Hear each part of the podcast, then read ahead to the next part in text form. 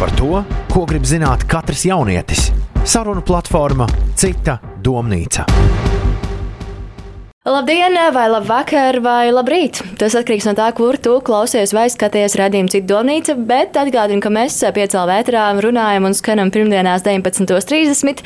Pārējā laikā esam pieejami arī piecēlā YouTube kanālā. Vāru atgādināt tev to, ka pirms nedēļas redzījumā cita domnīca mēs runājām par mīlestību, attiecībām, visu to, kas saistīts ar jūtām pret kādu citu cilvēku. Šajā reizē pievērsīsimies jūtām pašiem pret sevi. Un runāsim runāsim par sevis iemīlēšanu, pieņemšanu un precīzāk arī par body positivity kustību, kur mēdz cilvēki arī rakstīt body positive vai iepriekš minētais body positivity, un šis ir temats, kuram iesim cauri šajā raidījumā. Kā tas ir, kas, kas to izskaidro, kā to definēt un kādi ir šīs kustības plusi un mīnusi. Lai risinātu šo sarunu, skaidrs, ka viena pati šeit monologā nerunāšu, tādēļ man cits domnīcas studijā ir pievienojusies stilista, interneta satura radītāja un kustības Modern Size aizsācēja Latvijā Indra Salceviča. Sveika! Sveiki! Tāpat šeit arī Nike, MyFitness grupa un privātais treneris, kā arī basketbola treneris, fitness treneris, kā jau minēju, un body positivity piekritējs. Tā mēs vēlētos tev dēvēt, jo tomēr tu esi saistīts ar sportu un sportistiem Kristaps Sence. Čau! Pirms mēs sākam sarunu un atspēroties uz aizvadītās citas domnīcas, mēs vēlamies atgādināt, ka šajā raidījumā mēs neejam tikai melnā vai baltā, un drīzāk aplūkojam 50 pelēkās krāsas nokrāsas, un tāpat aplūkojam arī dažādus viedokļus. Tādēļ šeit, citā domnīcā, vienmēr satiekas cilvēki, kuriem viedokļi iespējams nevienmēr sakritīs, taču tas rada augsni sarunai.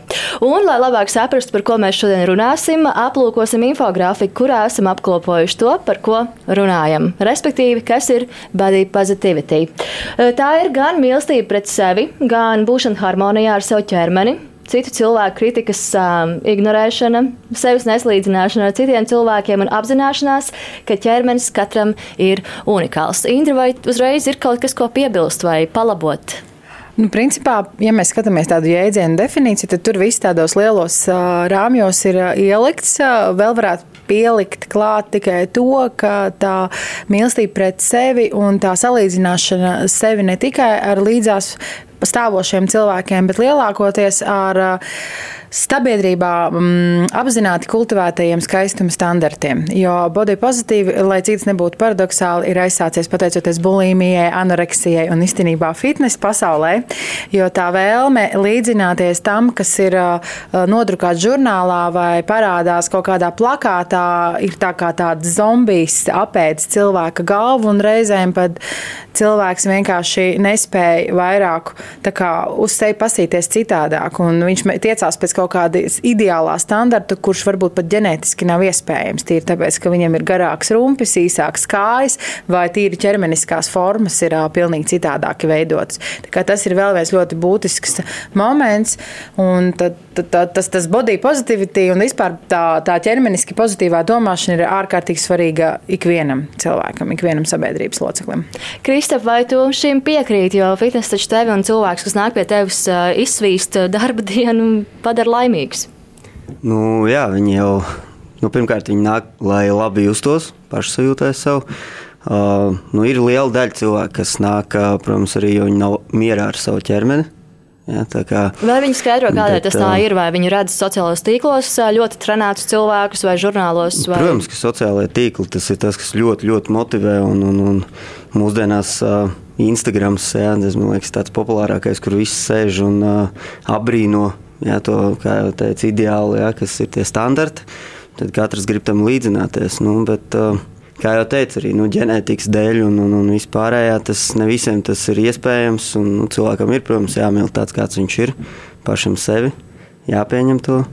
Bet reizēm tas, kas trūkst, iespējams, kādam ir ne tas ģenētiskais, bet spējas Photoshopā vai Facetune vai jebkur citur. Hmm. Tieši tas ir tas, kas ir Instagramā.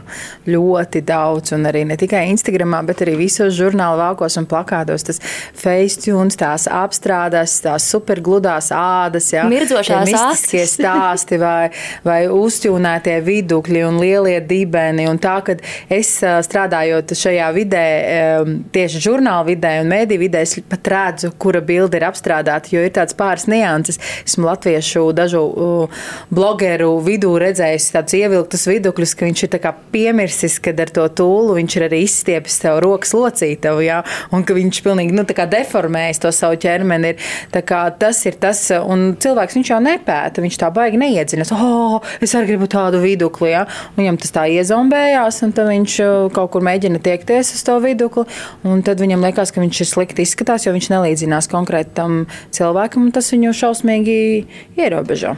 Šis jau, man liekas, nav pareizi tos facetunes izmantot un tādas lietas. Nu, es, es ar to nenodarbojos, tā godīgi. Nav tā, ka tur rokā tur tāpēc es, es nezinu, jā, es neesmu tur uh, mēģinājis transformēt savu ķermeni kaut kā caur aplikācijām, bet uh, nu, mans skatījums ir tāds, ja tu sāc tur to darīt, jā, tā kā tur, kā jau teicu, ievilkt rumpi, jā, tur aplikācijā kādā. Nu, un tad tu skaties uz sevi, tu skaties, un tā kā, es nezinu, baigi mierā es ar to bildi, un pēc tam dzīvē, nu, tomēr ir daudz savādāk, un man liekas, tu vēl vairāk nespēji sev pieņemt. Nu, man Latvijā ir pilns ar blogeriem, kuriem dzīvē satiekot viņus uz ielas, domā, Tā bija viņa vai tā nebija viņa? Jā, Goda es vārds man, man ir. Man ir, ir tāda, es esmu bijis kaut kādā pasākumā, un es prasu tur meitenēm, kas tā tāda. Un es kā tu nezini? Un es skatos satverto Instagram. nu, Nu, nav. Nu, viņai ir 1,60 m, Instagramā 1,70 m. Ja, un visādas tādas niansītas. Bet fitnesa industrijā arī ir tā, ka tie, kas it kā pat veselīgi ir, par ko body positivity runā, tie, kas ir veselīgi, viņš nāk, nu, tā kā labsajūta. Es arī eju uz trenižera zāli nevis, lai zaudētu svaru, bet eju labsajūtā, lai es būtu vitāla un kustīga. Ties gan es neesmu trenižera zālē. es, vai, es tieši trenižera zālē, nē, es vairāk izmantoju tos celiņus, es necelāju svarus un tādas lietas nedaru, tāds vairāk kardioslodzes. Bet, uh, kad uh, viņš ir kā jau ir tāds jau viss tiegrains un jau faktūra ir veidojis, bet nē, viņam vajag iedzert kaut kādu vēl tur, nu, kas tur jādzer, vai viņš špricē, ir taču tie, kas špricē, lai jā, dabūtu jā. konkrēto formu, jā. Es, es atkal, jā, arī uzskatu, man, man bieži klienti prasa, nu, viņi nāk priekš sevis priekš sevis, tur pēc darba dienas izkustēties, labi justies. Un tad sāk jautāt visādus jautājumus, ko es varētu tur palietot, lietot, jā, palietot, jā, kas man tagad dabūtu. es, es gribu Mas. tur izskatīties, viņi pastāv zālē, hmm, o, redz, to čiksīti, tur tā baigas mukā, tā baig, baigais augums, viņi tur uz šo te bikīni fitnes, pieņemsim, ja tur gatavojusies. Ir tāds, un tad viņai teikt, vai kā viņai izskatīties. Nu, es prasu, priekš kam? Nu, vai tu gribi kāpt uz skatuves? Nu, nē, nu, tā kā lai labi justos. Tā, drīzāk. Nu, kaut kā, jā, es nezinu. Lai izceltos kaut kādā savā vidē. Bet, uh, jo tur jāprot atšķirt nu, tavs dzīvesveids vai sporta veids. Nu, tās ir divas pilnīgi dažādas lietas. Kā, Bet vai tomēr kā... visā tajām uh, Photoshops un Facetunes un vispārējais nav labi tiekties to, kāds tu vēlētos būt? Uh, tomēr zināt, to, ka tavs ķermenis var būt labāks un trenētāks un tam līdzīgi. Es teiktu, labi, nu, tu vari uztaisīt tur Facetunā sev vai tu nu, uztaisīt to viduklīti, atstāj, atstāj sev to bildi, ja? ne, nepublicē, neizrāda to, ka tu esi tagad tur to izdarījis. Un, un, un, un, jo tad tiešām, nu, kā jau teicu, ies pa ielu un tev nepazīst. Ja? Tas ir viens, otrs. Uh, Nu, es vienmēr uzskatu, ka labāk vienkārši iztēlojies prātā, galvā, kā tu gribi izskatīties, un tad ej, tiecies uz to mērķi. Jo tiešām tur uztaisīs sev kaut kādu maģiku, es nezinu, izskatu, un, un, un, un beigās nesasniegs to. Un tad cilvēks nu, vēl, vēl varbūt vēl slīd. Tieši tā, ka krīze, depresija sāksies. Saka, Dievs, nedod Dievs. Atgriežoties to galvu, var paturpināt, izstāstīt. Ir tā, ka ir, ir Krievijā ļoti populāra viena kustība, saucās Celavgalavie, jeb ķermenis galvā. Un viņi atsaucās uz to, un tā ir īstenībā ļoti interesanta lieta, kad cilvēka pašapziņa un apziņa tas ir nevis pašapziņa, bet apziņa un zemapziņa, kad nav vienotas. Respektīvi, apziņa ir lēmējspējīga, un tā ir tā, kas dod signālu zemapziņai. Respektīvi, mēs ar apziņu esam redzējuši, kā kustināt rokas, un zemapziņā mēs to esam noprogrammējuši. Mēs ar apziņu sev liekam justies slikti, domājot par sevi sliktas domas, un mēs to sevi zemapziņā ieprogrammējam. Ja mēs visu laiku domājam, es esmu rēsnis, esmu neglīts, man tur ir pumpas, man tur ir vēl kaut kas, mēs to zemapziņā šo sajūtu ieprogrammējam, un mūsu ķermenis kā tāda mašīna vienkārši dara to vairāk. Ja es saku, ka esmu resna, tad es palikšu vēl resnāk tikai tāpēc, ka es tā domāju. Ir ļoti svarīgi tā, tāpēc ir tā pozitīvā domāšana. Ir ārkārtīgi svarīgi, ka tu domā pozitīvi. Un uh, tie pētījumi, tiesa gan viņi vēl tur turpinās, ja, bet tā, tās pirmās, pirmie tie kā viņas publikācijas, tā varētu teikt, liecina, ka, jā, ka cilvēks mainot šo savu domāšanas virzienu par labu tam, ka viņ, viņš arī spēja kaut kādu transformāciju vispār veikt attiecībā uz to savu ideālo es.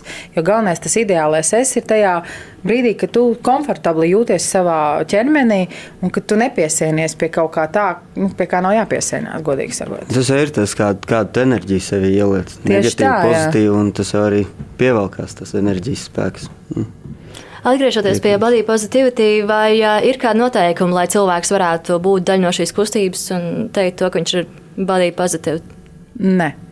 Nav noteikumu. Tur nu, varbūt tāpēc, ka es esmu par to runājusi. Es, nu, es esmu visu dzīvi bijis apaļa, ja, un es par to esmu sākusi runāt pirms vairāk nekā desmit gadiem. Es gan to vairāk sāku runāt, tāpēc, ka tas ir saistībā ar manu ādu. Es slimoju ar psoriāzi, un tā ir ļoti neglīta lieta. Un, un es biju saskārusies ar tādiem diezgan dīvainām situācijām, kad uz manis bakst ar pirkstiem vai, vai kaut ko aizrāda, vai uzdot jautājumus, vai tas nav lipīgs, vai vēl kaut kas. Es biju bijuši laiki, kad es staigāju ar cimdiem vēl visādām lietām, lai slēptu savus plaukstu locītavas. Un tad es vienā jaukā dienā sapratu, ka es šausmīgi daudz savā dzīvē esmu zaudējis un neizbaudījis tikai tāpēc, ka man ir svarīgi bijis, ko par mani domā tajā brīdī kaut kāda sabiedrības. Un tad es saprotu, nu, ka man vairs nav svarīgi, ka es gribu darīt to. Man tā dzīve ir ļoti, ļoti īsa. Man māsai pagājušajā gadā nomira draudzene 33 gadu vecumā ar vēzi. Un tad es tā sēžu un domāju, johaidi, jā, nu tā, nu tev ir tik maz tas laiks un tev vienkārši grozīties par kaut ko, kas, kas varbūt tev ir no dabas dots dots. Nu, es neizvēlējos saslimt ar šo slimību. Ja? Tāpat kā neviens neizvēlējās saslimt ar akni, neviens neizvēlējās saslimt ar plikpaurību, ja? vai vēl ar kaut kādām lietām. Nu, goda vārds. Un, un, un stresot par to, ka tev tur nav kaut kas tikai tāpēc, ka rekursu žurnāla vāka viņai ir. Nu, kas ka viņai ir? Bez tam Latvijā, piemēram, ne tikai Latvijā, nu, es taču zinu tās, es visas tās latviešu meitenes, esmu puskāls redzējušas tās slavenās meitenes, viņām visām ir strijas, ja? nu, jo viņas ir visas gaidījušas bērnus, bet uz žurnāla vāku tur sešpakas smuka uztaisīta un tā tālāk. Jo tie ir tie standarti, uz ko visi tiecās. Un tā kā izdomā, ka tā būtu jābūt, bet tā nav jābūt. Jābūt ir, ka tu esi nu, īsts ka tu esi patiesi īsts un komfortārs sevi un nav ko izlikties par to, ko tu nēsi. Nu. Kristap, cik liela nozīme ir veselīgam dzīvesveidam tajā visā, kā mēs sev pieņemam un uztveram? Vai nav tā, ka tu sāc ēst veselīgāk, bet iekšēji gribas bļaustīties par to, ka nevar pasniegties pēc kaut kā, kas iespējams atkal neiet kopā ar šo veselīgais dzīvesveids un uh, laba pašsajūta? Nu, visam jau jāatrod līdzsvars. Nu, es atkal, nu, ja mēs par to pašu, kad tagad gribam tur, teiksim, notievēt, ja, un, tad cilvēki man arī bieži jautā, kā to darīt, ko es tagad nedrīkst ēst. Tur, un, un, un, un, Vai tagad dzīvot uz sulu diētām, vai apmēram tā? Nopietni šis jautājums ir nu, regulāri. Un, uh, tad, uh, Es uzskatu, ka ir tomēr jāēd viss, ir jā, jā, jāklausa savs ķermenis, ko tev ķermenis prasa. Tas ir arī jādara. Ja tev ķermenis prasa, tagad es gribu to, un patiešām gribu, nevis tāpēc, ka tev prāts to saka, ka gribās apēst snikerīti vai burgerīti. Ja, tad, ja tev to tavs ķermenis prasa, tad ir jā, jāēd. Un, nu, tās sulu diētas, visas kaut kādas sevis spīdzināšana tā ir. Jā, tas nav vajadzīgs. Tā ir arī modelis. Jā, es zinu, kad, tur, teiksim, pirms kāpjas skatuves, ja, vai tur bikini fitness, vai tur nu, visi bodybuilderi, kas kāpj, ja tagad viņiem tur viņi dienu pirms tam nedzer ne ūdeni, neko nēd, viņi staigā negarstāvoklī. Ja. Es zinu, man ir kolēģis, kurš piedalās, ja viņš tur mēnesi ar viņu zinu, labāk nerunāt. Ja, tā viņu 11 mēnešus viņu tur forši čoms, baigs labais, džeks, foršs, pozitīvs, jautrs. Vienu mēnesi šī īgnis, ja, jo viņš sev spīdzina, nu, lai dabūtu to perfektu augumu. Cik tas ir veselīgi, tas nav veselīgi. Es uzskatu, tas ir tikai tāpēc, ka tas ir atkal sporta veids. Nu, ja tu to dari priekš savas, savas dzīves kvalitātes, tad uh, noteikti nevajag sevi pārāk ierobežot un nevajag arī palaisties. Nevajag aizmirst to, ka uh, tomēr ir jā, jāuztur nu, tas veselīgais dzīvesveids nevis sporta režīms. Jā. Indra, kā ir um, ar vīriešiem Latvijā? Tu aizsāki Modern Size, vai tas ir tikai par dāmām, kuras ir um, par body pozitīvu, vai arī vīrieši iesaistās, kāds attiecās uz viņiem? Nē, nē, es esmu ar atlēstām rokām gaidu vīriešu. Patiesībā pirms gada man bija arī fotosesija, kurā piedalījās vīrieši. Un īstenībā vīriešiem ar body pozitīvu ir viss kārtībā, vairāk vai mazāk. Es vispār savā dzīvē neesmu saskārusies ar vīrieti, kurš būtu tik ļoti, nu, tā kā Um, nu, kā lai pasakā, kā sievietes viena otru kā, salīdzinās, tā tā, ka vīrieši tā nedara. Vismaz es neesmu saskārusies, un viņi, ir, un viņi arī savā vidē nesaka, ko vecīt, kāds tev vēders ir, ko, kaut kas jādara vai kaut kā tam līdzīga. Ja arī viņi kaut ko tādu izmet, tad tas ir tādā joka līmenī.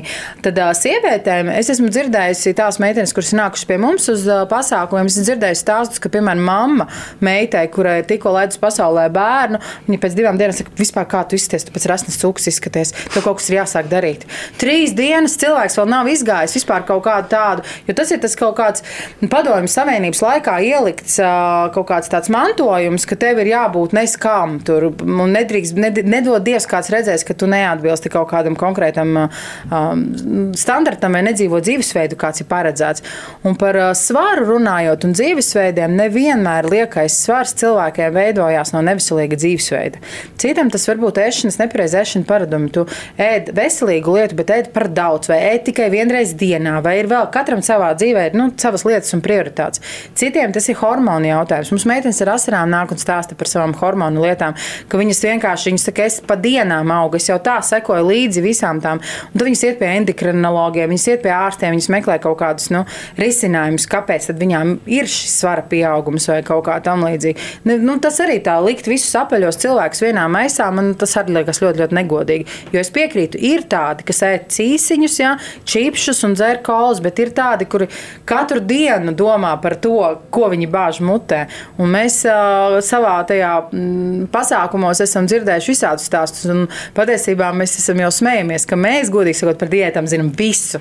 Jo mēs esam visam gājuši cauri, viss ir izlasīts, viss ir kaut kas ir izmēģināts, kaut kas ir strādājis, kaut kas ir nācis atpakaļ ar kaut kādām tur uzvijām un tā tālāk. Nu, tā nav, ka visi cilvēki, kur ir apaļi, viņi tiešām ēd bulkas un uh, Varbūt tikai tāpēc, ka es esmu apaļa, liekas, ka es Latvijā, tas, kā man te nesen ir nosaukuši par liekas svaru apustuli un kaut kādu tādu um, nevislīgā dzīvesveidu kultivētāju. Arī to dara cilvēki. Tie ir nu, žurnālisti nu, cilvēki, kas pasaka to, ka tu arī, nu, tu ej ar savu Morning Size ideju, Jā. un tev pretī ir cilvēki, kas nav body positivity kustības atbalstītāji. Tā tad, ja viņi atļaujās šādu runāt. Idejas jēdzienu kā tādu, mums ir bijušas fotosesijas, un rītā, piemēram, mums ir fotosesija, kur mēs tieši fotografēsim meitenes ar dažādām ādas saslimšanām un rādīsim sabiedrībai par to, ka par to nav jā, jākaunās, jā, kad nu, tā notiek, tā notiek ar tiem cilvēkiem. Un vēl viss kaut kāds lietas, viņi vienkārši nezina. Nu, to, viņiem, viņi burtiski tulko. Jā, body pozitivitāte, ķermeniski pozitīvs, latviešu tulkojumi, neiedziļinamies jēdzienos. Latvijā ir tendence neiedziļināties jēdzienos. Tas ir tieši tāpat kā pārņemt kaut kādus angliskos teicienus, nu, tur ir fall in blown mood. Nu, ja gur, burtiski tulkosim, tad mēs iekrīstam, iekrīstam kaut kādā zilajā nu, noskaņā. noskaņā jā, bet patiesībā tas ir vienkārši garlaicīgi. Jā. Nu, vien, vien, ar vienu teikumu apzīmē uh, pavisam tā, nu, garlaicīgi tā nav tāda zilā noskaņa. Zilā noskaņa latviešiem ir tāda sērīga un mazliet tāda apcerīga, vai ne? Un, uh, mums ir tendence uh, tulkot šos jēdzienus, neiedziļinoties. Mēs tulkojam vārdu savienojumu, neiedziļinoties saknē. Un tas ir uh, tāpēc arī ir šie uzrādās šie cilvēki, kur tu tur to dari, tu tur to dari, tu tur to dari. Bet tu izlasi to jēdzienu. Tas nav tas. Ir cita lieta Latvijā. Latvijā ļoti daudz parādījušies tā saucamie fat shaming. Ir. Un tie ir lielākoties tādi, kuri paši kādreiz ir bijuši ļoti, ļoti apaļi, un tad viņi ir kaut kādu manipulāciju pēc zaudējuši savu svaru, un tad viņi sāk stāstīt. Es, kad uz piekto stāvu kāpu, man tur jau mēlī izkārās, es tur stenēju, vaidēju, man tur vēl kaut kas un vēl kaut kas. Nu jā, tā varbūt tev bija, bet tas nav man.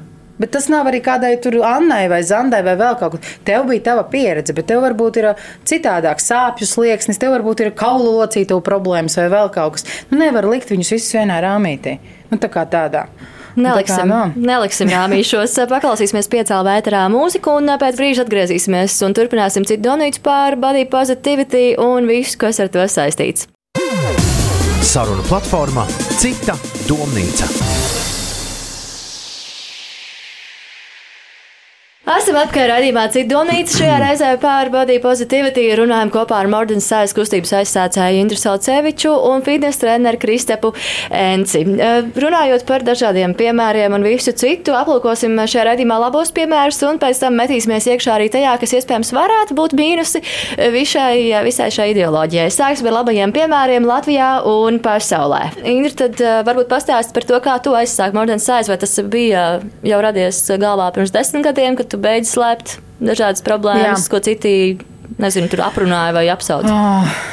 Nu, tas nosaukums pats par sevi, tā ideja bija tāda, ka nu, cilvēks ir vairāk nekā izmērs jebkāds. Vai tu esi garš, vai tu esi tievs, vai tu esi apaļš, vai tu esi uh, no nu, dažādiem. Cilvēks vienkārši ir vairāk. Tāpat kā cilvēks ir vairāk nekā uh, nu, roku garums un tā tālāk. Un uh, vienkārši latviešu neskanēja. Kāpēc es vēl to daru? Tāpēc, ka uh, man tā ir sanācis dzīvē, ka man arī uh, vecākais dēls ir uh, piedzimts ar nelieliem fiziskiem defektiem, kas ir pamanāmi. Es gribu, lai viņš aug veselīgi domājošā sabiedrībā, un tāpēc es par to runāju skaļi un runāšu līdz kamēr es nomiršu. Jo es esmu no tomēr, padomu laikos audzis bērns, un es tādas lietas neredzēju. Es neredzēju ne bērnus ar uh, trūkstošiem pirkstiņiem, vai ne, neredzēju ar mazākām rociņām, vai ar, uh, mēs neredzējām arī bērnus ratiņkrēslos. Mēs vispār neredzējām nekādus bērnus, kuri neatbilst kaut kādiem standartiem. Ja? Un uh, šobrīd sabiedrība jau ir kļuvusi tolerantāka, arī mācās skolās daži dažādi bērni ar kaut kādām īpatnībām. Ja? Tur, un tāpēc es par to runāšu, un, un, un, es, jo es gribu, lai tā sabiedrība ieklausās, ka bērns bērns jau nu, arī, ne, arī pieaugušais nav vainīgs pēc kaut kādām, lai tā vienkārši notiek. Un, uh, viņš nav jāizstumj no sabiedrības, vai viņš nav jāizolē kaut kā. Viņš ir tikpat uh, pilntiesīgs sabiedrības loceklis kā visi pārējie. Viņi fisiskie uh, parametri vai dotumi, tas, tas vispār nekas nav. Nu, viņam nedrīkstētu pievērst uzmanību šādām lietām. Un, ja mēs par to runāsim jau, nu, es jau to daru desmit gadus, un es to esmu arī pamanījis, ka ir ļoti atšķirīgi mainījušies sabiedrības daudzi uzskati, kā bija kad mans bērns sāk iet bērnu dārzā, un viņš šobrīd iet skolā, vispār izglītojušo skolā. Un, un tur ir pilnīgi jau, es varu just, ka tie, tie vecāki jau ir krietni, krietni mainījušies savādāk. Ja? Un, un tas ir tāpēc, pateicoties visiem arī, protams, sociālajiem tīkliem un iespējai runāt par šiem jautājumiem. Mēs piecēlā Instagram jautājām cilvēkiem, vai viņi atbalsta body positivity kustību. Tur bija arī atbildes par to, ka 70% no cilvēkiem atbild, bet mūsu nākamais jautājums bija par to, vai kādēļ viņi atbalsta vai tieši neatbalsta atbalsta. Un viens no tiem bija, viens no atbildēm bija par to, ka liekais svars ir jauniešu problēma Latvijā. Tas man šeit ir arī kaut kur pētījumos gājis un tam līdzīgi. Ir, ir. Tad mums vēl ir atbilde par to, ka tā body positivity kustība ir tikai atruna. Kādam arī šādi šķiet. Rūta, piemēram, raksta, ka, ja body positivity ir par veselību un lepošanos par to, tad tā ir ļoti apsveicama ideja. Olivija raksta, ka katram ir jābūt tādam, kāds viņš grib būt. Māra arī raksta, ka katrs drīkst var izskatīties, kā viņas sirds vēlas. Kāds profesionāls profesionāls sportists nemaz nezina, kas šī ir par kustību. Es ceru, ka pēc šī raidījuma zinās. Vēl -hmm. mums ir arī cilvēks rakstā, ka svarīgi atcerēties, ka tas attiecas arī uz ļoti, ļoti tieviem cilvēkiem. Ir jābūt pozitīvai attieksmē pret savu ķermeni līdz robežai. Vēl kāds arī diezgan pozitīvi attiecas pret arī pozitīvu kustību. Anna raksta, ka tas palielina toleranci gan pret sevi, gan apkārt esošajiem.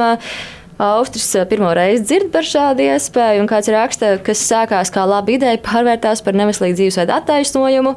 Un eh, vēl ir cilvēki, kas vispār par šo kustību nedomā, jo acīm redzot, tas viņiem nav eh, aktuāli. Kristep, kam tu piekrīti? Vai tā ir, teiksim, tā atruna, vai tomēr tur ir kaut kas vēl dziļāks apakšā? Ja mēs runājam par nolaidību, par, par vispār šo kustību, par, par to, vispār. ka tu esi ķermenī sev pieņemošs un ka tu nedēļ cilvēkus dažādos ķermeņos, krāsās un vēl sazin kā. Ja tas ir tiešām ģenētiski, ja, ka tu esi apaļīgs, un, un, un, un galvenais ir tas, kā tu jūties. Ja tu tiešām jūties labi, ja tu gribi tā justies, Ja un ja arī pilni, veselība ir laba. Ja veselība arī ir laba, ja, ja tev nav problēmas nekādas, tad jā, kāpēc ne? Un tas ir jāpieņem gan tev pašam sevi, gan apkārtējiem tev ir jāpieņem, ja tu jūties labi. Nu, ja tur sākās kādas problēmas, ja tu jūties slikti ar sevi, tad tu nesi mierā, tad ir jādara tam cilvēkam Jā, kaut kas tāds. Tad, ja cilvēkam ir problēmas, tad viņš to arī risina. Tiešām. Bet, bet ir bieži, kad cilvēkam ir problēmas, un viņš viņus negrib risināt kaut kādā veidā. Nu, tur ir daudz, viss kaut kas ir. Paskatoties uz body positivity, nu, jā, protams, tas nav pareizi, bet paskatoties uz body positivity, vai jūsuprāt, ar šo tēmu visu nostāju var aiziet galējībās, jo tomēr iespējams cilvēkam ir liekais svars, sirds problēmas. Viņš domā, nerisināšu ģenētiku, arī pat, patiesībā varētu nebūt pie vainas, bet viņš pieņem svaru. Viņš izdomā to, ka es varu nerisināt, re, kur ir body positivity kustības, var vienkārši būt tāds, kāds esmu, un var neko nedarīt, var turpināt sēdēt uz dīvāna. Jebkurā gadījumā es ieteiktu, jebkuram cilvēkam aiziet uh, ārsta pārbaudas veikt. Nu, jebkuram, vai Tā tu jūties ir, labi, vai tu esi apaļīgāks, vai tu esi tievs, vai tu esi ideālā formā, tev jāaiziet jāpārbaudās. Nu, tad jau Tas jau, mm. man liekas, cik gadējās pārbaudas jāveic vēl kaut kas, nu, kā, lai tu būtu drošs. Nu, esot, teiksim tā, body positivity domāšana nedod atlaides. Tas nav tā, ka, ja tu saki, es esmu body pozitīvs, laiks kūkai. Ja? Jā, es esmu body pozitīvs. Tas nedod mm. atlaides. Uh, tas nav, nu, vienkārši, protams, ka tie cilvēki ir uh, arī virtuālajā pasaulē, tajā pašā Instagramā, protams, ir cilvēki, kuri uh, liek šo tēmturi, uh, nesot pat tādi. Iespējams, ka viņiem ir dziļākas uh, psiholoģiskas problēmas un varbūt krietni lielas veselības problēmas. Piemēram, Tessa Holiday, kura bija uz kosmopolitēna vāka, arī izraisīja lielu, milzīgu muti, jo viņas vizuālie parametri liecina jau par tādu smagu saslimšanu. Un tie cilvēki nevis nu, runā, viņai ir, viņai ir viss kārtībā, viņai ir veselība, viss kārtībā, viņa jūtās labi, viņai viss. Nu, mums ir jāpieņem viņas lēmums, viņas vēlme būt šādā formā, kā normāla parādība. Mums nav jāinteresējas par viņas veselības stāvokli, mums nav jāinteresējas par viņas cisku lielumu vai kaut ko tamlīdzīgu. Par to jau iestājās šī body pozitīva kustība. Jo bieži vien tam cilvēkam, kad viņam pasaka, ka tu esi tāds un tāds, tas viņu vēl vairāk sagrauj. Tāpat kā nu, kaut kādas citas atšķirības. Man ir bijušas klientes savā laikā, kuras ir slaidas meitenes, kurām 15 gadu vecumā ir pateikts, ka viņām ir neglīti ceļi, viņai jau ir 30, un viņa saka, es nekad nenesāšu svārkus, kaut gan kājām viss ir kārtībā. Jo 15 gadu vecumā viņa varbūt bija ļoti stīgraina un tāda, nu, mēs visi veidojamies. Un viņai tas ir iesēdies tik ļoti saknē, ka viņa nestaigā svārkos, jo viņai ir neglīti ceļi. Tas ir kaut kas tāds, ko mēs ieņemam to galvā, kas nav patiesība. Viņai ar ceļiem viss ir kārtībā, viņai ļoti skaistas kājas ir. Vienkārši viņai ir izdomājis, ka viņai viņi ir neglīti. Un tas ir par to, ko vairāk nu, iestājās tā body pozitīva domāšana. Un, Jēdzienu ieviesē, viņi, kas strādā ar tiem bulīmiem un arakstiem, protams, viņi ir strādājuši arī ar cilvēkiem, kuriem ir ēst atkarības un, un smagas aptaukošanās. Un, Arī tie pētījumi liecina, ka tikai tad, kad šie cilvēki maina savu domāšanu, ir spēja būt transformēties par labu, labākam vizuālajam tēlam. Vienkārši nu, reizēm tā body pozitīva marka klāta ir iespējams cilvēkam iekšējā pašterapija.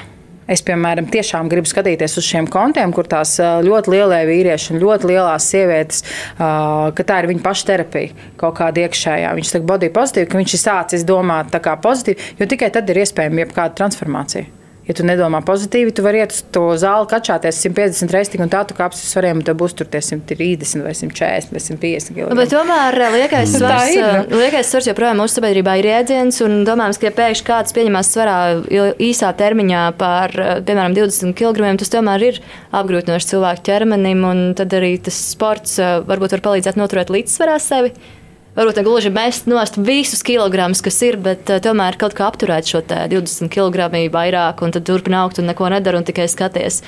Nu, noteikti jau viss, viss ir, eh, ir jāsako tam, lai tas nenotiek strauji gan vienā, gan otrā virzienā. Nevis, jā, uh, lai nav tā, ka, jo bieži vien cilvēki arī saka, nomet uh, strauji. Protams, ja tu sēdēsi tam pašam vēlreiz par tām suldietām, ja, ka tiešām dzer tikai sulas. Nomest tu nometīs, bet kā tas nāks atpakaļ? Jā, ka tu nometīs, tas ir strauji. Kā jau teicu, tas ir sportistiem, kam ir vajadzīgs to momentu, bet pēc nedēļas viņš ir atpakaļ savā kaut kādā, nu, tas viss atgriežas. Nu, tāpat tās arī nevajag galībās aiziet uz otru pusi, kad uh, tu jūti, ka tu pieņemies svarā, nu, tad ir jāsāk meklēt kaut kāds iemesls tam, kāpēc tā notiek. Mm. Tas ir pirmais. Un, protams, jāmēģina sevi ieklausīties, kā tu jūties tajā brīdī vispār. Un, kaut kas ir jādara, ir jārisina, bet atkal nu, noteikti ne to darīt strauji. Es teikšu tā, nu, lai man saspēr joks, bet, lai sportotu trīs reizes nedēļā, tev ir jāvelta trīs stundas dienā.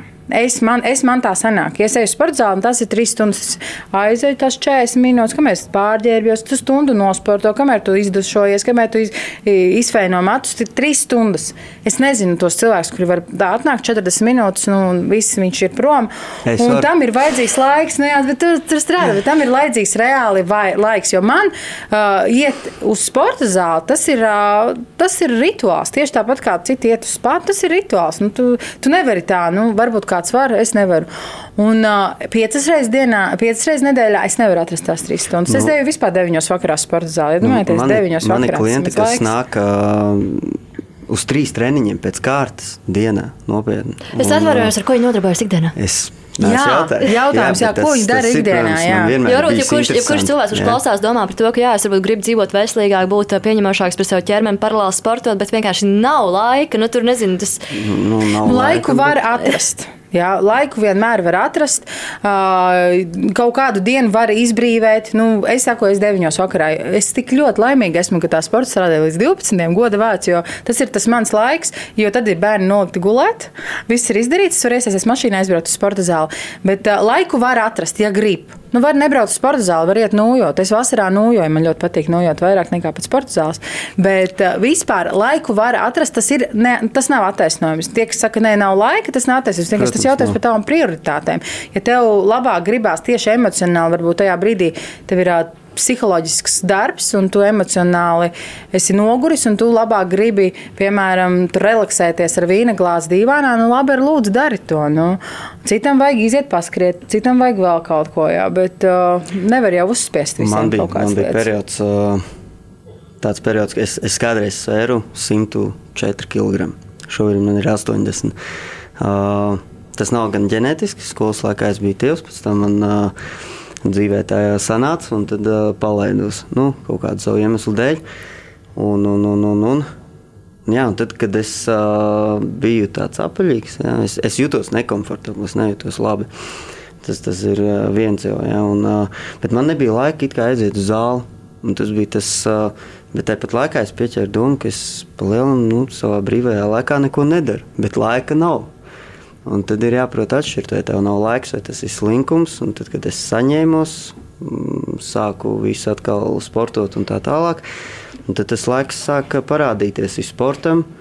Un sāk parādīties vēl daudzām citām lietām. Un šobrīd man ir cilvēki, kas prasa, kā tu visam atrod laiku, kā tu vari paspēt būt tur, tur, tur, novadīt dienā sešas, septiņus treniņus, aiziet pats uzspēlēt basketbolu, novadīt meitenēm treniņus basketbolu aiziet uz radio interviju vai vēl kaut kur. Ja? ārprāts, kā tu savu dienu plāno. Un tad es saprotu, jo tu vairāk dari, jo tu vairāk vari paspēt ir, izdarīt. Un tas, ka tev nav laiks, ka cilvēki sēž mājās, saka, es man šodien man nav laiks, diena, es nevaru. Jā, jā, jā, viņi tā ir žēlošana. Tā ir arī, tā, jā, tā ir taisnība. Ka tiešām nu, var visu izdarīt mm. cilvēks, ja viņš grib. Ir bijis drusku skrāmas, vai braucam, panojiet. Ai, nē, es iedzeršu vīnu. Nu, jā, tas ir jautājums, tas ir tavs nu, prioritāts. Es eh, kaut kādā, man personīgi tā ir arī sava, es sako, sakārtoju domas, e, tur nojojot vai kaut kādu tur apmeklējot sporta zāli. Tu tajā brīdī, nu, man nav doma tā, 20 minūtes vēl palika, cik, cik, cik līdz treniņa beigām. jo lielākoties tad, kad tu ej ar tādu apziņu, man ir jāiet vājēt, man tagad ir stunda jāvājē un tā tālāk. Viņš skatās spogulī, kad tā stunda beigsies. Un jā, jo viņš nāk ar gariem mērķi. zobiem. Bet tad, kad tu ej priekš sevis, tad tu vienkārši to dari priekš sevis. Nu, skaidrs, es ļoti labi zinu, kas man būtu, cik daudz man sporta zālē laiks būtu jāpavada, lai kļūtu slaidākai. Katrā ziņā, klausoties jūsu stāstos, ir skaidrs, ka jums ir savā ziņā sports dzīvesveids, vai tas ir darbs vai hobijs, jums patīk to darīt. Un pēc uh, dziesmas piecēlā vētrā parunāsim arī par uh, pretējiem viedokļiem uh, tieši konkrēti kustībā, bet teikt gan piecēlā vētrā klausāmies mūziku. Saruna platforma Cita domnīca. Radījums Ziedonīgs ir atpakaļ piecā vētrā, un šajā sarunu platformā runājam par body positivity kustību kopā ar Indru Sauceviču un arī Kristapu Enci. Pirms mūzikas iesākām sarunu par to, ka ir daudz cilvēku, kuru viedoklis dalās par šo kustību, tās mērķi, jēgu un to, kas tā ir apakšā, un turpināsim ar blogeres, aktīvs Twitter lietotājs Ants Starvids komentāru, kur viņa stāsta savu pieredzi un pārdomas par body positivity kustību. Klausāmies! Čau, PCLV! Es esmu Anna Starvida. Šodien šeit esmu, lai parunātu par body pozitīvu kustību, kuru es vienlaicīgi gan atbalstu, gan neatbalstu. Kopumā, manuprāt, body pozitīva ideja tās saknē ir ļoti forša un apsveicama, jo mums katram ir sevi jāmīl tāds, kāds mēs esam. Mums ir jāpieņem sevi tādu, kāda mēs esam, jo mēs esam ar dažādām vizuālajām atšķirībām un nerunāju tikai par svara atšķirībām. Bet Cik es esmu ievērojusi pēdējo divu, trīs gadu laikā, ja ne pat ilgāk, body pozitīva kustība ir diezgan aizgājusi tādā vienpusējā, pamatīgi liekas svara glorificēšanā, kur pārsvarā Instagramā un pārsvarā sievietes, kuras ir 140, 150 plus, tātad ļoti pamatīgu lieko svaru, glorificē to, ka ir būt forši ar šādu vizuālo tēlu. Manuprāt, zin kā, neviens nesaka, ka tu nevari skaisti izskatīties tajā kleitā vai tajā paltkostīmā un tā tālāk, bet tā ideja tā saknē, vai tu tiešām jūties labi tā, kā tu izskaties. Un ar labi es domāju nevis tikai paskatīties spoguli un pateikt, o, man piestāv šī kleita, lai arī kāds būtu mans svars, bet uh, vai tu viena pati vari aiztaisīt rāvēslēdzēju šai kleitai, nelūdzot citu cilvēku palīdzību, vai tu vari pieliekties, lai aiztaisītu kurpes bez aizduses, un šo es saku tikai no savas personīgās pieredzes, kaut kādus četrus gadus esot viena no viņām, jo kopumā mans svars bija 135 kg, sasniedzot pašu virsotni. Un, manuprāt, tā kustība ir vienkārši tāds pašapmāns par to, kā vienkārši savu slinkumu savas problēmas galvā, visbiežāk arī kompulsīvo ēšanu, aizstājot ar to, ka es vienkārši tagad būšu bodīgi pozitīvi, jo es negribu ar šo šobrīd sadzīvot, eh, ka man ir jārisina šīs problēmas. Teiksim, tas mans galvenais punkts, ko es gribētu kā, uzsvērt, ja mēs kā sabiedrība esam pieņēmuši un saprotam, kāpēc anoreksija ir slimība, un kur tā sākas un ka tie ir ēšanas traucējumi, visbiežāk saistīti ar psiholoģiskām problēmām, tad kāpēc pārlieku milzīgs liekais svars ir body pozitīvi? Kāpēc izraisīt sašutumu, ja anoreksijas slimnieki liktu body pozitīvu, kuri apzinās, ka tā ir slimība? Kāpēc savā sociālā tīkla profilā izplatīt to, ka ēst burgerus katru dienu ir ritīgi krūti, jo es esmu body pozitīva, ja patiesībā visā saknē ēst veselīgi ir tas pamats, nevis ēst neveselīgi. Kāpēc jaunām meitenēm, kuras ir milzīgs Instagram patērētāju skaits, kāpēc viņām rādīt nepareizo priekšstatu par ķermeni, par ķermeņa uzbūvi un teiksim, attaisnot savu slinkumu ar body pozitīvu kustību. Kāpēc mācīt to, ka sēdēt uz dīvāna un skatīties Netflixu visu dienu, jo tu vienkārši zini, ka tev būs jākāp četri stāvi pēc tam mājās, ja tu izies ārā, un tas tev sagādās aizdusi. Kāpēc teiksim, šāds neaktīvs dzīvesveids tiek eh, glorificēts un rādīts kā piemērs, ka tas ir itīgi forši? Ja tā saknē ir jābūt otrādā, ka aktīvs dzīvesveids ir foršs, un laika pa laikam tu vari atnākt mājās un pēc tā, nezinu, ikdienas pastaigas vai velo izbrauciena, tu vari paskatīties to pašu Netflixu. Manuprāt, tā body pozitīva kustība ir pa 180 grādiem sagrozīta, parādot, ka ir krūti būt neaktīvam un ir krūti būt ar milzīgu lieko svaru kas sagādā tev grūtības izdarīt kaut kādas ikdienišķas darbības. Lai nu kā, manuprāt, body pozitīvu kustībai vajadzētu vairāk koncentrēties tieši uz objektīvi vērtējot jaunām simpātiskām sievietēm un vīriešiem, kuriem ir iesēdusies šī doma prātā, ka viņi ir resni.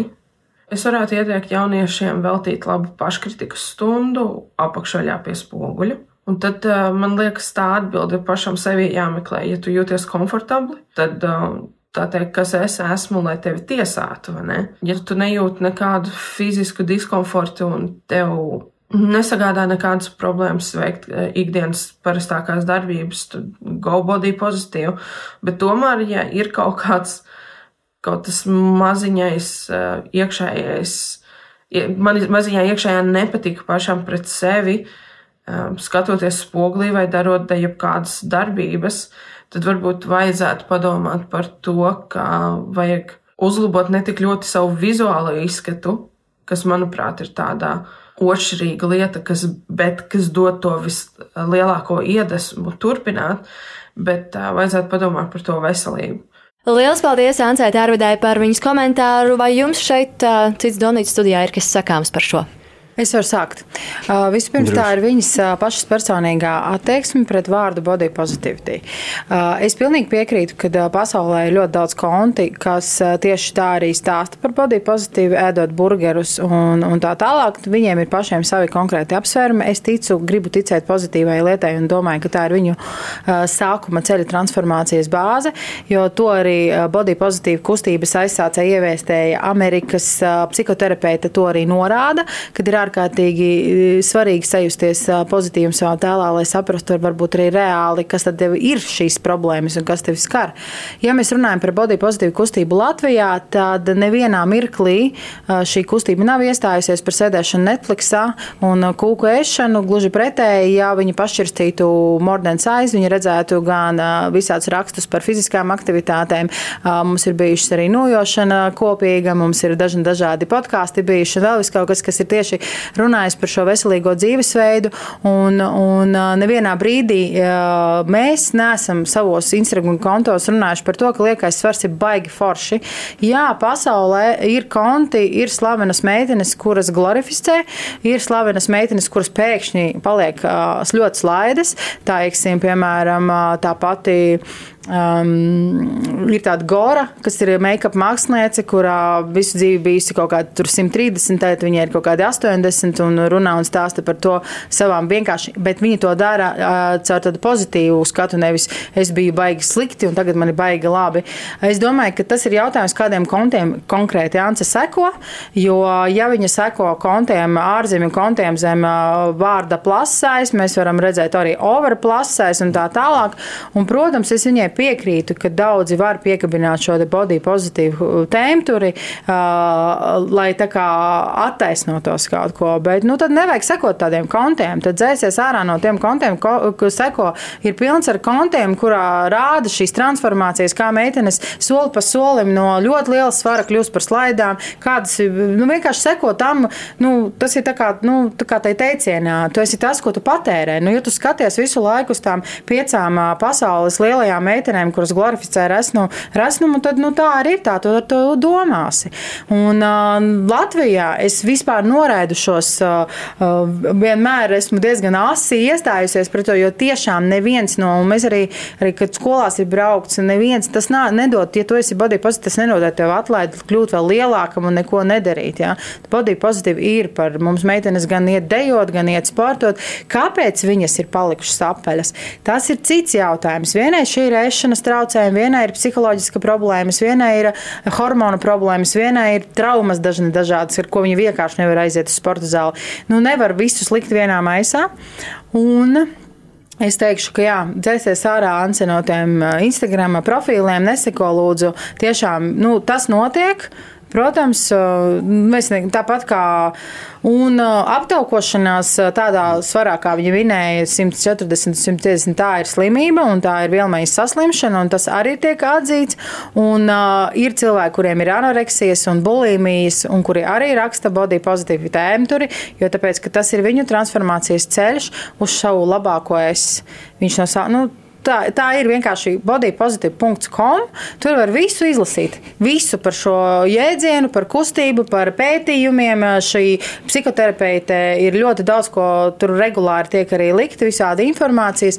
Nu, tur jau tā lieta, nu, ka mēs pieķeramies, jā, nu, es nezinu, tad, tad kas viņiem vajadzētu jaunu tēmu tur izdomāt. Nu, būs jādomā jā. par jauniem tēmām. Kristap, kā tev, nu. ņemot vērā to, ka nav nepareizie viedokļi, mēs šeit apskatām dažādus, vai tev ir argumenti, vai tu esi gatavs nomest argumentus? Nē, nu, kā jau teicu, ja tur dzēsies ārā no tiem kontiem, tā ir uh, vienkārši nepareiza informācija. Iespējams, ka tu seko, kā cilvēks to cits, cits saprot to nepareizi, cits to vienkārši tā pasniedz. Un tas atkal, nu, kā jau teicu, cilvēki iet bieži tajās galībās. Kad, uh, un body pozitīvi, ja tur samierinies ar to, kāds tu esi. Nu, tas es nedomāju, ka ir jāsamierinās ar to, kāds tu varbūt esi sevi aizlaidis vai vēl kaut ko. Jā, tā Tev ir, ir jā. jāsamierinās ar tām, nu, kā jau mēs Sekām. sākumā runājām, ģenētiskajām iespējams lietām, ja, ka tu esi. Nevajag samierināties. Nu, nesamierināties, Jā. bet uh, pieņemt sevi. Jā, Tu teiksim pieņem tā, sevi un tu atradīsi tāds. to pareizo ceļu uz savu to komfortu. Tad, kad galvenais, lai tu jūties komfortā, Ance jūtās nekomfortabli, eh, sprādzējot kurpes, ja, cik es sapratu no komentāra. Loģiski, tad ir kaut kas Tā, jādara. Tu jūties nevari aizspēt, aizsprādzēt kurpes. vien- jā. Viens ir komforts, otrs veselība. Ja tev tas viss ir jāpārbauda, tas viss ir jājūt, kā tu jūties. Un, Tā ir, jā. Nu, vienkārši jā, tā, tā informācija tiek bieži vien uzsūkta ļoti nepareizi cilvēkiem. Tāpat kā Nē, bet es saprotu, ko viņi saka. Jo manā virzienā arī varbūt ir kādreiz bijuši šie, šie pārmetumi. Man privāti ir rakstīts, un kas tik tur vēl nav. sā- Es it kā saprotu, tāpēc, ka nu, jā, tās meitenes liek tos tēmturus. Nu, varbūt daudzām es tiešām ticu, ka tām daudzām ir tā ir terapija. Viņas iet caur šo, ka viņas parāda sevi, un tad viņas tādas baigās malacis būs saņemsies, un viss viņām ies uz labu. Pat Tessa Holiday, ja, ko es pieminēju, kas ir arī bijusi kosmopolitēna vāka, ja viņai pasako līdzi, kas notiek viņas Instagram profilā, tad viņa diezgan bieži ir sporta zālē un diezgan bieži uh, kaut ko dara, jo viņa jūt, ka viņa varbūt nu jau ir palikusi tādā svarā, kad viņai nav vairs komfortabli. Bet es uh, ticu, ka uh, ir cilvēki, kuri varbūt arī sevi neredz reāli. Tā arī var Tā jau vien būt. pēc uh? Antas teiktā, ja, kad, uh, nu, kā viņi tur teica, kāpēc pozicionē to, ka fitness ir uh, slikts, ka kustība ir slikta, ja, ka tur veselīgs uzturs ir slikts, ka tagad labi ir ēst burgerus, ja, nu, kā viņi tur stāsta ar to informāciju. Nu, tas jau viss ir ļoti nepareizi. Tad pasniegts kaut kur no kāda puses, kam viņi tur seko. Jo es domāju, ka neviens šeit uh, to Burgeris, kustība, to, kad uh, veselīgs dzīvesveids, tas, tas netiek uh, noliegts. Tas tiek tieši pozicionēts, ka tam ir jābūt. Jebkurā gadījumā. Par burgeriem runājot, ap citu, McDonald's ir vienīgā ēstuve Latvijā, kura uzrāda savas kalorijas. Ja? Goda vārds. Jā, bet tas ir jau gadiem Un Man ilgi. bija reāls šoks, kad es arī, nu, jo es visu laiku sekoju līdzi tam, ko es ēdu. Un, un parasti, kad mēs esam retu reizi tajā McDonald's ieši, man ir bijuši vienkārši salāti. Es ņēmu vienmēr cēzara salātus un nekad neesmu likusi to mērciklāt, ēdu tās lapas ar tomātiem un to vistiņu. Ja? Un tad es atvēru vaļā to mājaslapu un izrādās, ka cēzara salāti ir traknāki Viņi nekā ir sulīgs, sulīgs burgers. Ja? Jā. Burgeri arī nav tā, ka, ja viņš ir kvalitatīvs produkts, kvalitatīvi sagatavots, viņā nav neviens pavārs nepateiks, burgers ir slikts. Ja viņš ir kvalitatīvs produkts, ja, ja viņam ir um, labas sastāvdaļas, viņš var būt, jā, viņš ir uh, sātīgs ēdiens, bet makaroni arī ir sātīgs. Makaroni ar sieru un kečupu un majonēzes restī. Jā, un arī karbonāde ir sātīgs ēdiens, un kartupelis ir nenormāli sā, sātīgs ēdiens. Ja? Tā kā, ja tas viss, ja, ja pārtika tiek patērēta arī mērnā daudzumā, ēst var visu. Arī tos divus čipšus var ieēst mēnesī reizi. Kristē, vai tu ļauj, vai tu ļauj Tas ir ņemot vērā to, ka es- fitness ir veselīgs dzīvesveids, un tad vai mēs drīkstam ēst divus čipšus? Jā, noteikti. Trīs arī. Un, uh, tas, tas, ko es klientiem saku, nu, tas ir kaloriju deficīts. Ja, tu, teiksim, ja ir mērķis nomest, ja, protams, darīt to pareizi. Nu, atkal neiet galībās, neuzņemt tur, uh, kā mēs iepriekš vienā brīdī runājām, pa 600 kalorijām dienā, ja, nu, kas ir pilnīgi, man liekas, badošanās. Ja, nu, tas nav- Fastings vēl. Fasting. Es, es personīgi, godīgi, ja fasting nu, neatbalstu. Es esmu izmēģinājis. Tikai tāpēc, ka tīri, lai saprastu, kādas ir sajūtas. Un atkal, jau, nu, tur tas fastings ir, piemēram, tā doma, 16 stundas nēdam, 8 sēdam. Ja, tas tas visbiežākais. Tas būtu iespējams. Un- Manā gadījumā tas būtu iespējams tad, ja šīs 16 stundas gulētu. Jā. es ir arī piekrītu, 20 bet un es esmu 4 kaut kas tamlīdzīgs. Man bija tā, ka okay, es jutos nu, normāli, nēdot tās brokastis, ēdot divos dienā, ja pirmo ēdienu reizi. Es varu tukšā dušā trenēties no rīta, man nav problēma. Bet, bet man nekādus rezultātus tas neuzrādīja. Ja? Man nebija tā, ka es tur pēkšņi metu svaru. Man bieži vien cilvēki nāk un prasa, o es tur teicu, to fastingu mēģinu, ja? un es ceru, ka es nometīšu, nezinu, 10 kg. Bet ne jau tā ir tā. tā tas noslēpums. Tu vari ēst tās astoņas stundas, un tu vari apēst tajā laikā. Es Trīs nezinu, vairāk. Jā. Tās kalorijas, cik tu uzņem tajās stundās. Ja? Nu, tu apēdīsi piecus burgerus ja?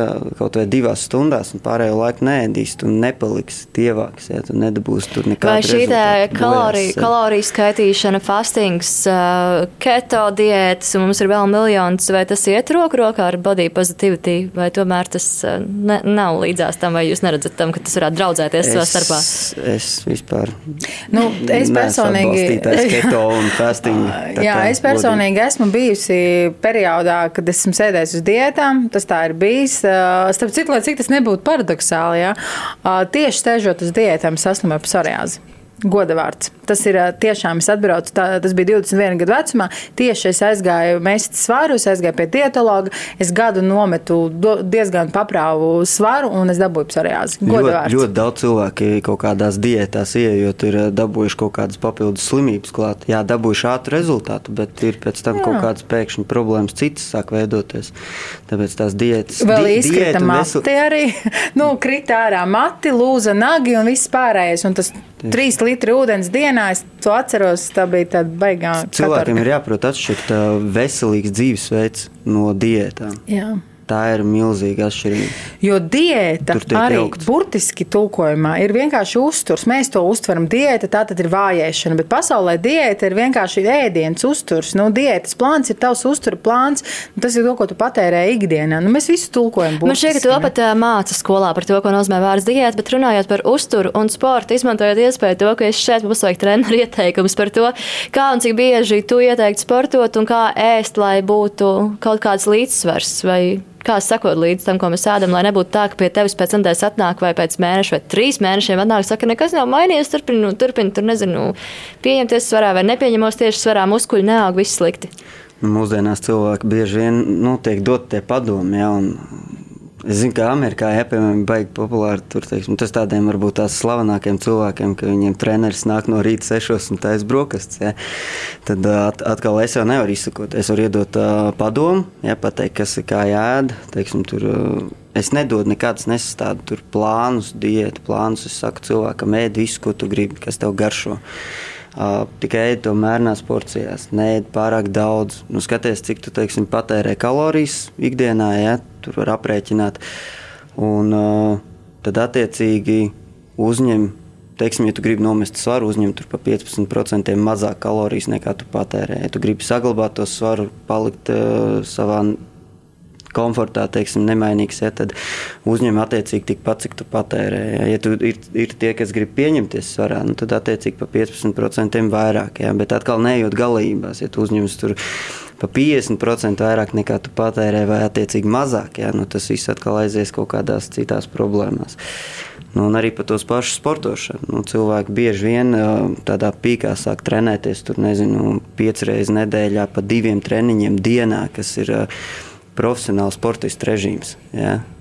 Kur tiek sekots sportistam, ārsts seko līdzi, kā viņš jūtas, ja tiek veikts regulārs pārbaudas. Uh, visādi citādi, nu, visādi citādi tiek viņam sekots līdzi. Nu, tad cilvēkam vajadzētu nu, pirmkārt mēģināt sevi ieklausīties, patiešām mēģināt saprast, kā tu jūties, vai tu spēj atjaunoties pēc tā treniņa. Tu vari aiziet pirmdienu, otrdien uz treniņu, ja? vai tev vajag iet trešdien vēl uz treniņu, atpūties aizēju uz jogu. Ja, nu, tā, nu, kāda trīs treniņu nedēļā tas ir ok. Tas ir ok. Tu teici, tu arī gāji trīs reizes nedēļā. Ja? Mm -hmm. Tas ir pilnīgi normāli, kuram cilvēkam izkustēties. Nu, ja ir laiks, ejam vairāk. Bet um, neejam tur divreiz, trīs reizes dienā, jā, ko cilvēki bieži dara. Man nopietni nāk uz zāli no rīta, nāk no rīta uz diviem, atnāk aiziet vakarā vēl uz kādu nodarbību. Jā. Bet vienā brīdī cilvēks pārdegs nu, notiks kaut kāds. Man bija vēl tagad, nesen arī klients nāk. Viņš saka, es vienu brīdi, tur piecus gadus atpakaļ, nu, tā trenējos, tādā piegājienā. Es gāju divreiz dienā uz uh, svariem, plus vēl basīt gāju spēlēt. Un es tā izturēju četrus mēnešus, un pēc tam es nonācu slimnīcā. Nu, Tā ir. Jā. Sekojam, sekojam sev līdzi un izmantojam nākamo dziesmu piecēlā vētrā, lai nedaudz izkustētos. Un tad arī redzējums, cik Donīts atgriezīsies ar noslēguma daļu. Saruna platformā Cita domnīca.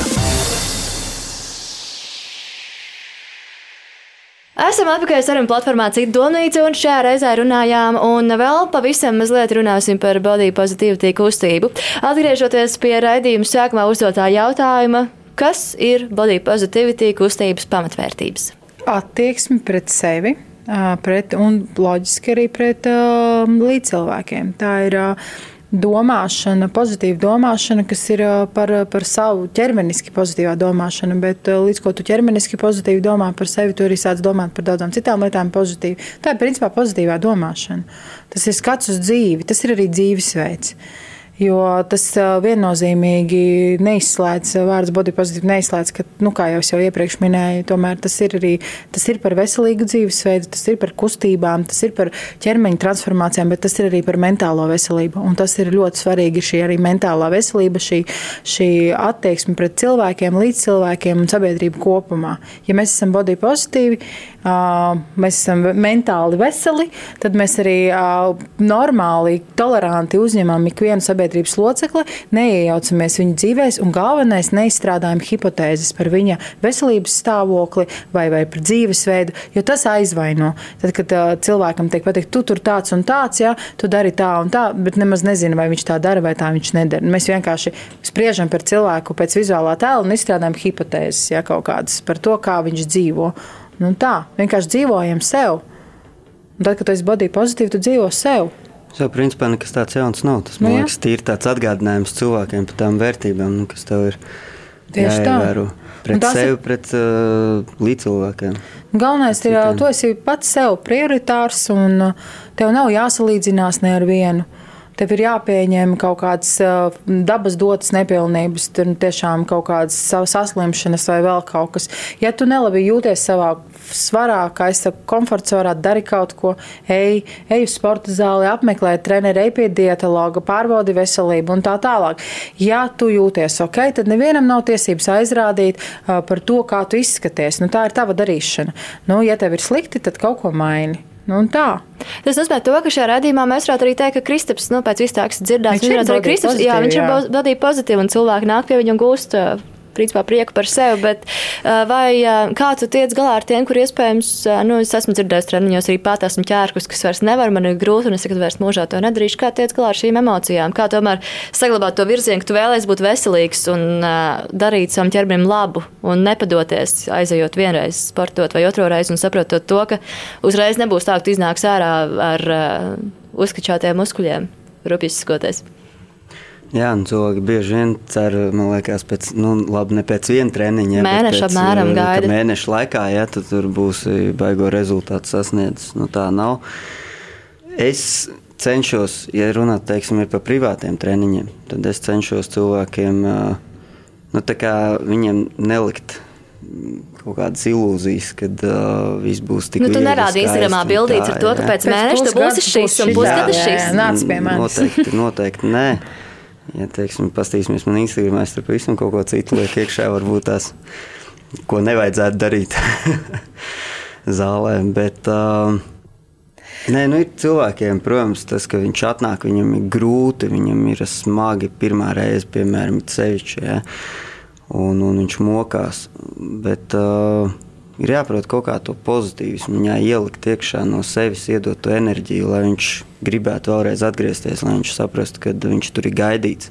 Neatkarīgi vai viņš ir apaļāks, mazāk var izdarīt. Jā, viņš vienmēr ir gaidīts tajā treniņā. Viņš vienmēr dabūs to pozitīvu enerģiju. Man ir bijis tā, ka cilvēks atnāk uz treniņu. Pēc pirmām desmit minūtēm man liekas, ka viņš to aizies. Viņš vienkārši to pagriezīsies, aizies. Nevis aizies, aizrāpos dažreiz. Ja, bet, uh, es mēģinu saglabāt to pozitīvismu viņam iekšā. Es saku, viss izdosies, tad uh, paliek līdz beigām. Vajag sarkanu, viss tur vai tur viss liekas slikti. Un tad uh, nu, cilvēks beigās viņš saka, viņš pēc treniņa jūtas, es nezinu, kāpēc, vienmēr daudz, daudz labāk. Uh, Un, uh, tas, tas viņam liek atgriezties. Un nevis tas, ka viņam dod tās ilūzijas un cerības, ka tagad viņam šī atnāks desmit reizes. Tā būs dibānu smuku. Jā, nu, ka tagad tas būs. Nē, nu, diemžēl nebūs. Tas tik viegli. Man liekas, viegli nebūs. To Man viņi šķiet, zina. tā ir cilvēka mīlestība. Tev vienkārši ir cilvēka mīlestība pret uh, ikvienu cilvēku, un tu viņus uztver uh, normālus, vienalga, kādos viņa ā- apmēros ir, un tu pret viņiem tā arī izturies. Jo ir uh, dzirdēti stāsti par treneriem vai sporta zālēm, kuri kaunina, k- kuri saka ārprāts, nu kā šī tā varēja nodzīvoties, kā tu interesējies par to savu klientu, un tas ir tāpēc, arī tie cilvēki atgriežas, un viņi grib būt tajā zālē un ar tevi sportot. Jo, ja būtu tā pretēji, ja, tad, protams, viņš neatnāktu vairāk. Jo Cilvēki- viņam jau vajag to mīlestību, kaut kā tādu sapratni. Viņš saprot, jā, es zinu, jā, es zinu, tu esi apaļš. cilvēks, kas pirmo reizi Bet, atnāk uz jā. zāli, viņš ir tik ievainojams, ka Jā. viņam vajag to, ka kāds kā- atnāk un viss būs labi. jebkuram Un vēl tie spoguļi visās malās, un tās Ja. dāmas, kas tur Jā. ar Un tas viens džeks, kas un- kāpa tām kāpnēm. Bet uh, jebkuram cilvēkam vajag kaut kādu arī uzslaviņu un vēl kaut ko. Jā. Es, es, es personīgi mē- mēdzu ja, cilvēkiem treniņos bieži teikt, ka jūs esat malači, neatkarīgi, ko jūs esat Bet ir dzirdēts arī par sporta zālēm, kuras tev kliedz ar lamu vārdu. Jā, jā, jā. Es personīgi. Nē, nē, nē, nē, Jā, nē es neesmu kliedzis laikam Nē. lambā. Un vēl cilvēki nespēja, ne, nezina, kāds viņiem ir robežas. Arī tad, kad es gāju tre, pie treneru, viņš man teica, es taču nekad dzīvē to nevarēšu. Tu pat nezini, cik tu daudz vari. Nu, kad, ja viņam ir tā pozitīva attieksme pret to cilvēku, tad jau arī cilvēks tajā sporta zālē atgriežas. Neviens Cilvēks- neatgriezīsies sporta zālē, ja pret viņu slikti iztursies. Un, un vēl kas ir tas, ka cilvēks sev netic pats. Arī, viņš jā. atnāk, viņš netic sev. Es viņam iedodu uzdevumu, viņš saka, viņš skatās uz maniem. Tu domā, ka es to varu izdarīt? Mm. Es, saku, es zinu, ka tu to vari izdarīt. Pamēģini. Tam Vēl jau ir attaisnojumi "Vau, visādi arī. varu vairāk." Man tur tas ir, vai tur man, da- es esmu arī diezgan daudz Jā. kaut ko zālēs redzējis, nu tā ar, ar, ar acu kaktiņu, un ir jau arī attaisnojumi daž, dažādi, ka cilvēks, nu, bet viņam vajag šo elementāro cieņu, cilvēku cieņu un mīlestību, un tad jau viņš tur tajā sporta zālē ir un uh, sasniedz savus rezultātus. Tas nozīmē, to, ka radījuma beigās mēs varētu pat atgriezties pie tā, kā secinājuma par to, ka visa pamatā ir mīlestība pret sevi. Un pret tiem, Jā. kas pie mums nāk vingrot, un kam mēs stāstām par uh, Un cieņpilna Jā, pret vie- ikvienu sabiedrības individu. Jā, un vēl beigās jums vēlos pajautāt, kā tad galu galā atbalstīt veselīgu dzīvesveidu un kā parūpēties par sevi. Dziļās kā, ielas. kā, nu, kā, nu jādzīvo veselīgs dzīvesveids. Nu, jādomā tā, līdzi nu. tam. Pirmkārt, jādomā līdzi, ko tu patērē informācijas ziņā. Bišķiņ jābūt kritiskākai domāšanai. Nevar ticēt visiem izsludinātajiem diētu plāniem un sporta plāniem par 25 eiro mēnesī. Tūlīt būsi uh, ar sešpaku. Jā. Ir jā, jā, jāsaprot to, ka uh, nevelti cilvēki maksā lielas naudas, lai studētu stradiņos un kļūtu par dietologiem vai uzturu speciālistiem. Nevelti cilvēki maksā lielas naudas, lai ietu mācīties uh, trenēt cilvēkus, jo tā ir arī, nu, tomēr ne, nepietiek tikai to, ka tu labi zini, kā pacelt uh, svarus, ir arī psiholoģija un viss kaut kas tam līdzīgs. Un jāiet pie profesionāliem cilvēkiem, uz profesionālām zālēm un uh, jāatrod savs ceļš uh, kustībai, savs ceļš uh, mentālajai veselībai un visam pārējiem. Man liekas, ka tas ir tas Jā, sāls. cilvēkam nevajag baidīties nākt uz zāli, iet pie treneru klāt, meklēt savu privātu treneru vai iet grupu nodarbībās, iet klāt pie trenera un, un runāties. Un, ā, Un neviens jautāt. neskatās sporta zālē viens uz otru. Mm, viņi pārāk aizņemti Tas ar arī ir mīts. Tas ir mīts. Par šo es vēl, ja, ja bišķiņu laiks ir, tad uh, mums ir, uh, kā jūs teicat, jauniešu nodarbības vadu. Man nāk jauniešu grupiņas, jau 12, 15 gadīgi, ja tur nāk tievi. Tiešām slaidi jaunieši, nāk uh, tikpat daudz arī apaļīgi un ļoti apaļīgi jaunieši. Un viņi viens otru ne, vien, neskatās viens uz otru, viņi pieņem. Es atceros, uh, kad es gāju skolā, noteikti izsmietu.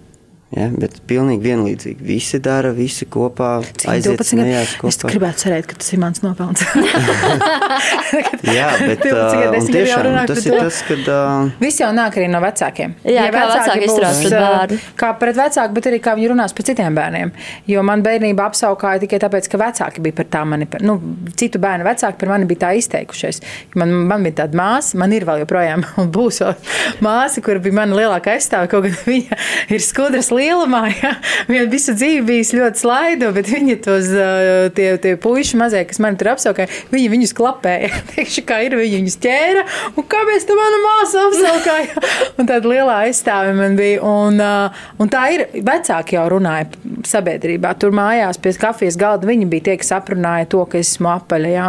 Ne jau tie bērni paši izdomāja to. Un, ja, ja vecāki savās ģimenēs tā runās, Tad bērns pārņem, un viņš saprot, ir ok, iet kādam viņš- klāt jā, un un teikt, kāds viņš ir.